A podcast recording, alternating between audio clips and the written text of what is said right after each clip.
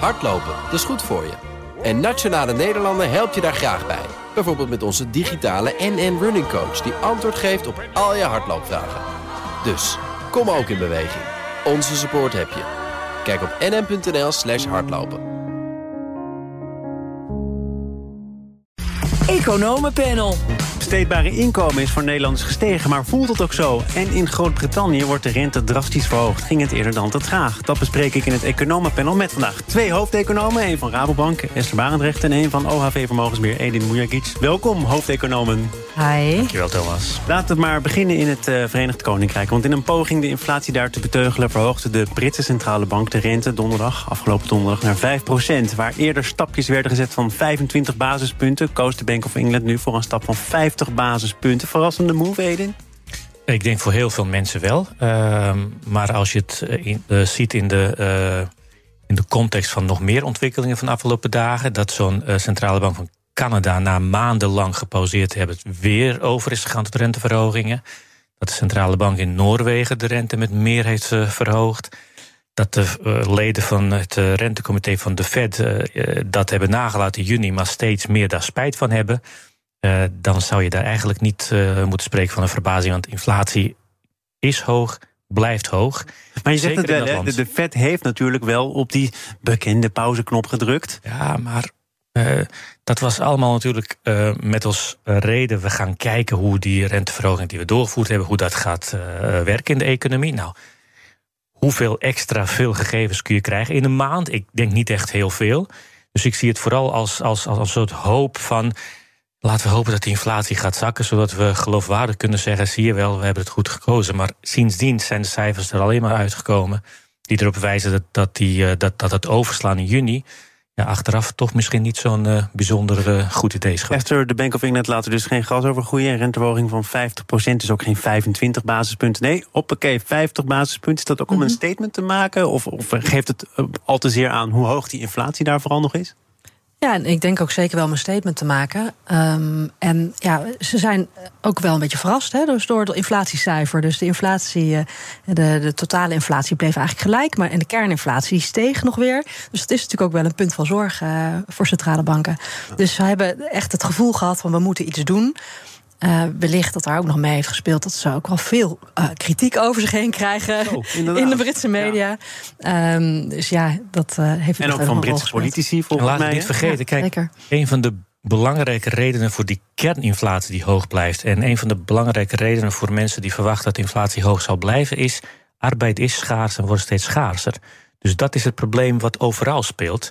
En je kunt zeggen, in Engeland speelt het misschien nog net iets meer, want vrijwel tegelijkertijd hebben zij ervoor gekozen om uit de EU te stappen. En dat helpt mhm. die arbeidsmarkt ook al niet. Dus het probleem wat alle centrale banken in het algemeen hebben, is misschien in UK net iets groter dan bij alle andere centrale banken, waardoor die inflatie in Engeland hardnekkiger te hoog is. Maar doordat ze geen lid meer zijn van de EU, hebben ze ook weinig te maken met de ECB en met zuidelijke lidstaten die misschien gaan stijgen. Dus kunnen ze die rente überhaupt dat steviger verhogen, toch? Ja, dat is ook zo. Dus eh, ze kunnen het eh, in ieder geval voor de, voor de economie in het VK, zeg maar, eh, juist targeten. En het klopt inderdaad, de arbeidsmarkt is daar ook heel krap. Ik denk wat daar ook nog wel meespeelt, is dat er ook heel veel langdurig ziekteverzuim is eigenlijk de afgelopen jaren. Dus dat helpt ook niet om ja, die arbeidsmarkt een beetje. Uh, ruimte te geven. Dus, um, dus dat, dat zijn factoren waar ze allemaal mee te maken hebben. Ja. Nou hebben ze daar ook gezegd, um, ja, onze modellen kloppen niet. We zitten er eigenlijk structureel naast en we schatten die inflatie niet goed in. Het is, het is tijd om die modellen te veranderen, om die eens tegen het licht te houden. Uh, kan dat überhaupt? Of, of moet je ook als centrale bank accepteren dat het nu eenmaal een hele complexe, delicate kwestie is en dat je er dus vaak naast zit, welk model je ook hanteert? Ja, laat ik in ieder geval zeggen, ze zijn natuurlijk niet de enige. Hè? Dus uh, ik denk dat er wel in heel veel landen uh, de inflatie hardnekkiger hoger is gebleven dan centrale banken hadden verwacht. Um, en het is interessant dat zij nu inderdaad zeggen van nou ja, laten we ons voorlopig vooral richten op wat we daadwerkelijk zien gebeuren. Nou ja, tegelijkertijd. Um, ja, ik denk dat ook, hè, bijvoorbeeld de ECB heeft natuurlijk ook gezegd van we doen het, we, we, nemen het echt stap voor stap en we kijken elke keer wat, er nu, eh, wat we nu denken dat nodig is. Dus ook daarin staan ze. Maar je moet je modellen dus eigenlijk parkeren. Nou, parkeren, dat weet ik niet. Maar um, ik denk dat we als economen sowieso bescheiden moeten zijn over uh, wat, uh, wat modellen ons hè, ons kunnen vertellen. Ja, ik vond het heerlijk uh, om te horen dat de centrale bank zegt. Uh, die modellen, die, uh, die moeten we tegen licht aanhouden. Want je moet het zo zien: die modellen waarmee ze voorspellen, dat is ongeveer het heilige stuk van, van een centrale bank. Dus als je daar vragen bij stelt, dat, is, dat is heel groot. maar ik vind het ook wel goed, want als je naar die modellen kijkt in deze tijden of in de jaren hiervoor, ja, dan kom je toch zoveel opmerkelijke dingen tegen. Bijvoorbeeld dat de modellen waarmee zij inflatie voorspellen, daar, daar komt geld heel vaak niet in voor. Ja, weet je dat, dat je dan. De geldhoeveelheid. Ja, dus. Eigenlijk toch, en niet ten onrechte, maar een stokpaardje van jou, toch? Uh, ja, dat zeker, in ieder geval zeker. En, en, en ik denk dat zeker in dit soort uh, omstandigheden is er misschien wel iets meer voor te zeggen om je gezond verstand te gebruiken en die modellen links te laten liggen. Want je gezond verstand zegt: arbeid is schaars en wordt steeds schaarser globalisering loopt niet meer zo rap vooruit als dat het afgelopen 40 jaar is geweest. Uh, energietransitie, wat per definitie niet al die modellen zit, jaagt inflatie gedurende dat proces aan. Het gezonde verstand zegt, denk ik, althans uh, mij, dat je eerder rekening mee moet houden dat de inflatie zal stijgen dan dat die zal dalen. En die modellen zijn zodanig gecalibreerd dat inflatie vanzelf na enige tijd gaat zakken. Dat is gewoon niet. Maar dan, dan gebruik je je gezonde verstand. En eh, dat gezonde verstand schreef dan de afgelopen decennia voor dat je eh, bij een hoge inflatie de rente verhoogt, dat de economie dan afkoelt en de inflatie gaat dan ook naar beneden. Maar die rente is natuurlijk, en je kunt twisten over of dat in voldoende mate is gebeurd, door al die centrale banken de afgelopen periode ook echt aanzienlijk verhoogd. En de inflatie is niet terug in de fles. Nee. Dus werkt dat hele instrument nog wel? Nou ja dat, ja, dat is denk ik ook absoluut een interessante vraag. En misschien heeft de Bank of England ook een beetje te veel zich laten leiden. Ja, door de modellen, maar ook heel erg door de vraag-aanbod. Het vraag-aanbod denken. Um, terwijl er zijn natuurlijk ook nog allerlei andere factoren die meespelen. Nou ja, denk ook bijvoorbeeld gewoon aan het uh, begrotingsbeleid. Maar bijvoorbeeld ook, ja, er is ook uh, prijsmacht. Hè, dus er is eigenlijk een strijd gaande tussen werkgevers en werknemers van hoe de pijn van die inflatie verdeeld wordt. Ja, en beide partijen zijn eigenlijk niet bereid om daar. Uh, om daar de pijn te nemen. Dus bedrijven blijven kosten, kostenstijgingen doorprijzen, werknemers blijven hogere lonen vragen. Ja, en zolang die dynamiek niet op een of andere manier een halt toe wordt gebracht, uh, uh, ja, maar welke een of andere manier stel jij voor? Ja, nou ja, dat, is ook heel lastig. En een centrale bank heeft daar ook minder uh, invloed op. Maar die zouden natuurlijk toch ook wel iets nadrukkelijker kunnen kijken naar, uh, naar de regering. Um, en um, de regering kan wellicht uh, toch wat overleg organiseren. Of um, ja, kijk, er zijn altijd. Uh, heeft ook zelf een rol. Hè, dus je kunt als regering daar ook. Je hebt ook iets te bieden, zeg maar. Dus als je werkgevers en werknemers wat dichter tot elkaar kunt brengen, heb je daar, kun je als overheid natuurlijk ook zelf door hè, je belastingen op een bepaalde manier in te stellen, heb je ook iets te bieden of te of, of juist niet te bieden. Edin, dus, jij was er al uit, geloof ik, hè? Welke manier het dan zou moeten worden, of niet? Ik vind het eerlijk gezegd helemaal niet zo lastig. Oh? Ik, ik, ik, ik, vind het ook onjuist om te stellen dat. Uh, ondanks die renteverhogingen van de afgelopen twaalf maanden, inflatie blijft hoog. Dus moet je de vraag stellen: werken die renteverhogingen?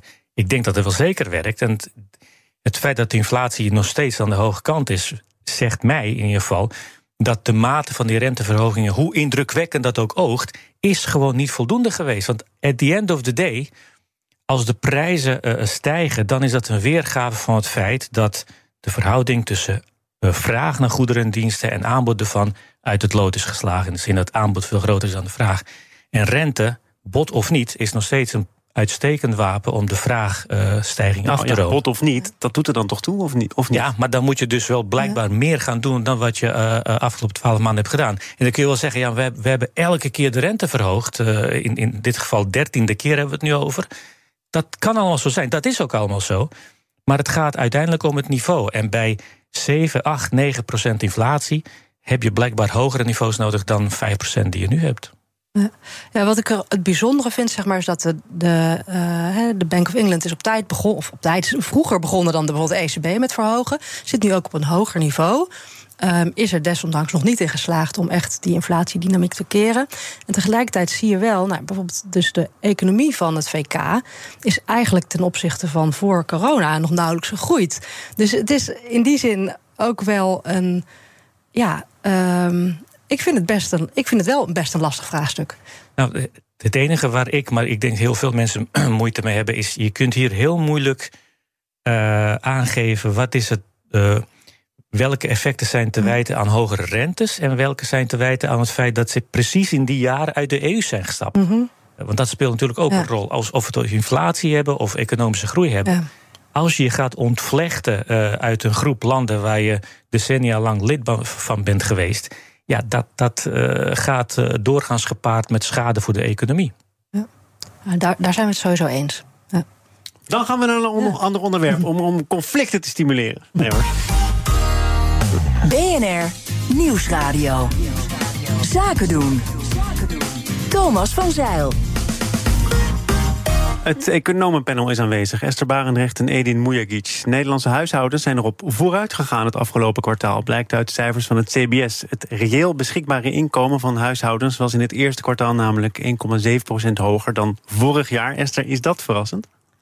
Um, nou, het is sowieso uh, uh, wel een beetje in lijn met hoe het de laatste jaren is geweest. Dus daar, daar gebeurt daar eigenlijk niet iets bijzonders.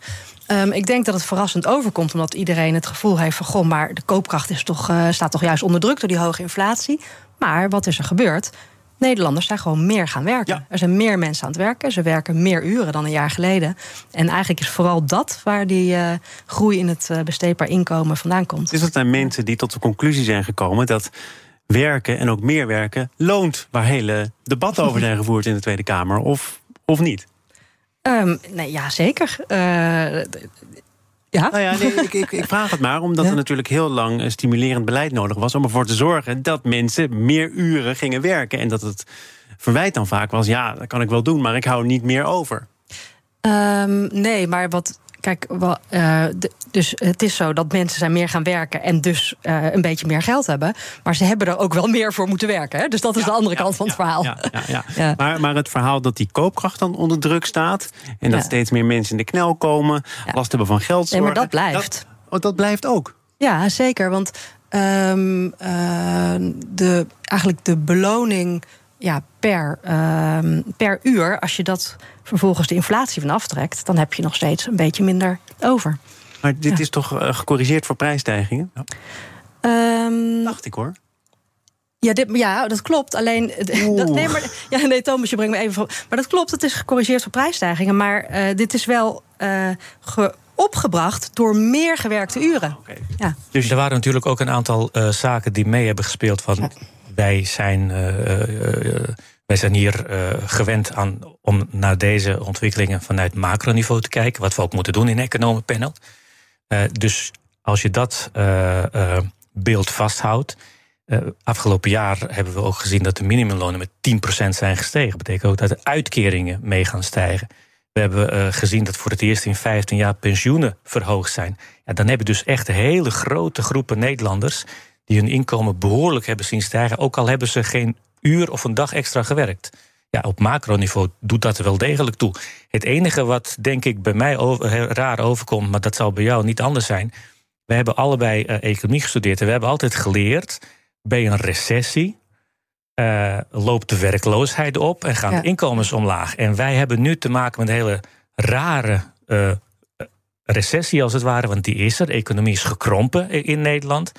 Werkloosheid loopt niet op, uh, lonen stijgen. En dat, dat geeft ook al aan, als we ons even betrekken op die modellen waar we het over hadden. De economische omgeving is niet alleen anders geworden, maar de, de, de, de motoren werken ook anders. En dan moet je dus ook die modellen die je gebruikt, moet je echt tegen licht aan houden. Want die zijn gecalibreerd op een economie van gisteren, die niet noodzakelijkerwijs is uh, zoals de economie nu loopt en werkt. Toch nog even over wat jij zei, Esther. Die geldzorgen, mensen in de knel, dat blijft. Hè, dat doet niks af aan, aan deze cijfers. Um, dus werkgevers en Klaas Knot, hè, de afgelopen periode, die zegt nou, die periode van de grootste uh, loonstijgingen, mm-hmm. daar moeten we mee afrekenen, want het wordt gevaarlijk. Um, kun je nu deze cijfers nog gebruiken om te zeggen, nou, Klaas Knot en die werkgevers hebben een punt of niet? Ja, ik. Um ik vind het, dus eigenlijk vind ik deze cijfers gewoon niet zo heel erg veel bijzonder nieuws brengen, als ik eerlijk ben. Um, en ik denk, hebben Klaas Knot en de werkgevers een punt? Volgens mij, ik, ja, ik ben daar echt wel een beetje voor het consensusmodel. Dat volgens mij moet de pijn verdeeld worden. Uh, en dat vraagt dus van beide partijen en wellicht ook nog van de overheid uh, uh, een beetje water bij de wijn. We, we, we, houden deze cijfers voor gezien. Nog even naar cijfers die herzien zijn, namelijk ja. het eerste kwartaal dit jaar was natuurlijk het bericht ook een schok voor velen. Dat is toch wel zo dat de economie gekrompen was met 0,7 procent. Nu blijkt het om slechts 0,3 procent te zijn. Statistische herziening. Maar ja, moeten we eigenlijk net zoals bij het voetbal even afwachten tot de VAR een doelpunt heeft uh, goed of afgekeurd? Want dit, ja. dit, dit gaat toch ergens over? Ja, nee, zeker. Ik vind het ook eerlijk gezegd best lastig. Want ja, weet je, uh, wij hebben ook uh, binnen in, in, ons team, zeg maar, proberen wij ook uh, scenario's voor de economie te bedenken en te voorspellen. dat proberen we naar onze klanten te brengen, maar ook gewoon naar de bank zelf. Die heeft dat nodig. En dan is het wel heel fijn als de cijfers die je hebt. Een beetje klopt. Als, ja, en we hebben de laatste tijd gewoon best forse herzieningen gezien. Dus dat maakt ons werk gewoon lastiger. Um, nou is het ook een gekke tijd. Dus ik heb ook wel begrip voor dat het lastig is om precies, op het, hè, precies goed te meten. Uh, en herzieningen zijn op zich een, normaal, een normale stap in het uh, statistische proces. Maar ze zijn behoorlijk fors de ja, laatste tijd. Ja. In, behoorlijk fors inderdaad, ja. van 0,7 naar 0,3 procent. Maar inderdaad, ik sluit me helemaal aan bij jou. Als je ziet wat zich allemaal in de wereld afgespeeld heeft... dat, dat, dat, dat die herzieningen nu zodanig groot zijn, dat, dat verbaast me niet. Um, ik vond het wel mooi om te lezen dat het CBS... Uh, de omvang van onze economie uh, voor 2021 en zelfs tot 2017 nu pas ja. uh, uh, goed in kaart heeft weten te brengen. En ik denk dat je dat als luisteraar niet moet vergeten. en denk daaraan als je, als je weer eens in de toekomst iets gaat lezen over voorspelling of, of economische groei. De werkelijkheid is we kunnen pas drie, vier, vijf jaar na dato kunnen we vaststellen wat de economie daadwerkelijk heeft gedaan. Ja, maar ja, dus, uh, ook OAV zal het uh, nodig hebben, net als Esther zegt, om af en toe toch een blik in de toekomst te kunnen werpen. Ik heb niet gezegd dat je vorm ik, van. Ik, ik, ik heb nooit gezegd dat je het niet nodig hebt. Je moet ergens mee werken. Ik heb alleen gezegd. Uh, waak ervoor om de voorspellingen van modellen niet als heilig aan te nemen. Want hier zie je een mooi real-life voorbeeld. Ja van dat we pas drie, vier jaar nadat een jaar voorbij is kunnen vaststellen. Zo en zo, ja. en zo hard uh, is de Nederlandse economie groei. Dus uh, neem, neem alle uh, ramingen in, in normale ja. economische tijden met een korreltje zout en zeker in huidige economische en, en, ja, en we gebruiken ook steeds meer, zeg maar, proberen echt een beetje verschillende aanvliegroutes ja. te gebruiken om uh, dat moet ook te wel. komen. Ja. ja. Nou, we gaan naar wat uh, onder andere Rabobank verwacht van de huizenmarkt. ja, jullie hebben daar onderzoek naar, naar buiten gebracht. Uh, een week geleden. Iets recenter zijn nog de cijfers van het CBS. huizenprijzen gedaald in mei met 5,6% ten opzichte van een jaar eerder. Ten opzichte van april daalden de prijzen eerder met slechts 0,1 Dus. Mm -hmm geen duikvlucht naar beneden. Van Mulligen van het ja. CBS zei meer een glijvlucht. Mm -hmm. Valt dus allemaal wel mee. Ja, dus zeg maar, die maand op maand cijfers die wisselen heel erg. Dus daar zou ik me gewoon niet al te veel uh, van aantrekken, zeg maar. Maar ik denk het beeld uh, in algemene zin van... nou, we, we zien op dit moment een correctie. Um, uh, dat is inderdaad geen duikvlucht. En inderdaad, wij verwachten ook uh, eerlijk gezegd dat die op een gegeven moment er ook weer uitloopt. Want wat je op dit moment ziet gebeuren is, nou, prijzen hebben natuurlijk behoorlijk hard gereageerd op uh, die gestegen hypotheekrentes. Want dat betekent gewoon dat mensen minder kunnen lenen. En voor wat ze lenen moeten ze meer betalen. Dus dat maakt het minder aantrekkelijk om een huis te kopen. Um, nou, daar heb je die correctie op gezien. Maar uh, ja, de hypotheekrentes zijn de laatste maanden redelijk stabiel. Intussen zien we de nominale lonen natuurlijk behoorlijk stijgen. Um, dus je, komt, je kunt zo meteen ongeveer en, evenveel lenen en de prijzen liggen lager. Ja, nou, dus daar zijn we nog niet. Maar, maar die kentering die zie je eigenlijk al wel komen. En dat is ook wel de reden dat wij verwachten dat eigenlijk die prijsdaling op een gegeven moment ook alweer uh, zal stabiliseren. Ja, en dat gegeven ja. moment is volgens mij volgend jaar, in de ja, loop van volgend jaar. Ja, zo, inderdaad. Dus we, we hebben voor het jaarcijfer voor volgend jaar verwachten we nog wel een klein minnetje. Maar eigenlijk uh, gebeurt er volgend jaar waarschijnlijk niet zo heel veel meer. Volgens uh, onze ja, modellen. Ja, en we weten. Disclaimers. ja, precies. Ik, ik zat me nog wel af te vragen: moet je, als je naar die waarde van huizen kijkt, niet eigenlijk ook uh, de inflatie meenemen? Een beetje ingewikkeld misschien, maar alles is duurder geworden. Huizen aanzienlijk goedkoper. Is die daling dan eigenlijk niet veel groter dan die zich laat aanzien? Ja, nou, ik zeg het maar even. Ja, Doorgaans zie je dat als, als mensen rekening gaan houden dat met uh, dat de inflatie structureel hoger zal zijn, dat je dan, uh, als het even kan, je huis uh, of een huis gaat kopen. Want het idee is vastgoed gaat mee met de inflatie. En ik, ik, ik, ik kan me in dit geval helemaal vinden in de modellen van mhm. jullie, die, die wijzen op wat de huizenprijzen zullen gaan doen. Het is ook heel logisch, want als de centrale banken alleen al hinten op mogelijke renteverhogingen, zie je meteen op de kapitaalmarktrentes. En die zijn dan weer doorslaggevend voor hypotheekrentes. Dus het zwaartepunt van de gestegen rentes van de afgelopen tijd zou binnenkort uh, over zijn piek heen moeten zijn.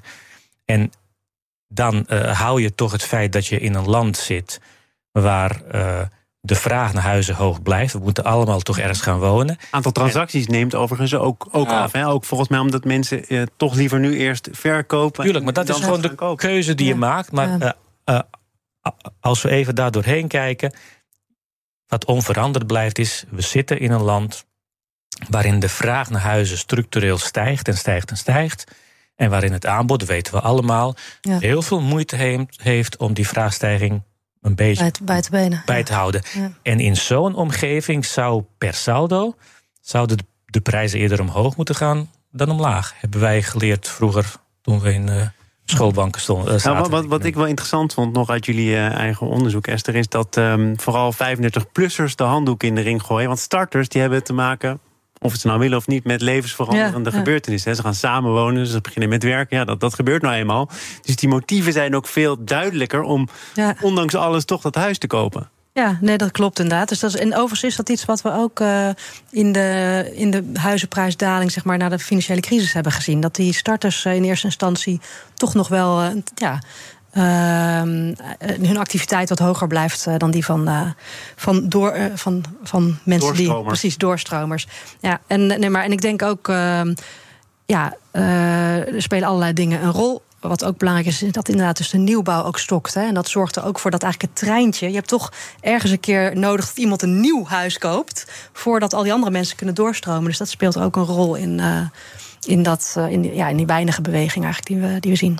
Dank jullie voor alles wat jullie op basis van modellen... en uh, ook niet op basis van modellen hier heb, uh, hebben willen delen met de luisteraar. En met mij Esther Barendrecht van Rabobank, al daar... en Edin Mujagic, hoofdeconoom van OHV Vermogensbeheer. Tot een volgende keer.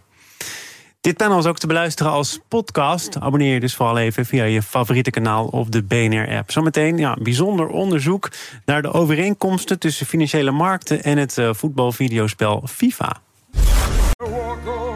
Hardlopen, dat is goed voor je. En Nationale Nederlanden helpt je daar graag bij. Bijvoorbeeld met onze digitale NN Running Coach... die antwoord geeft op al je hardloopvragen. Dus, kom ook in beweging. Onze support heb je. Kijk op nn.nl slash hardlopen.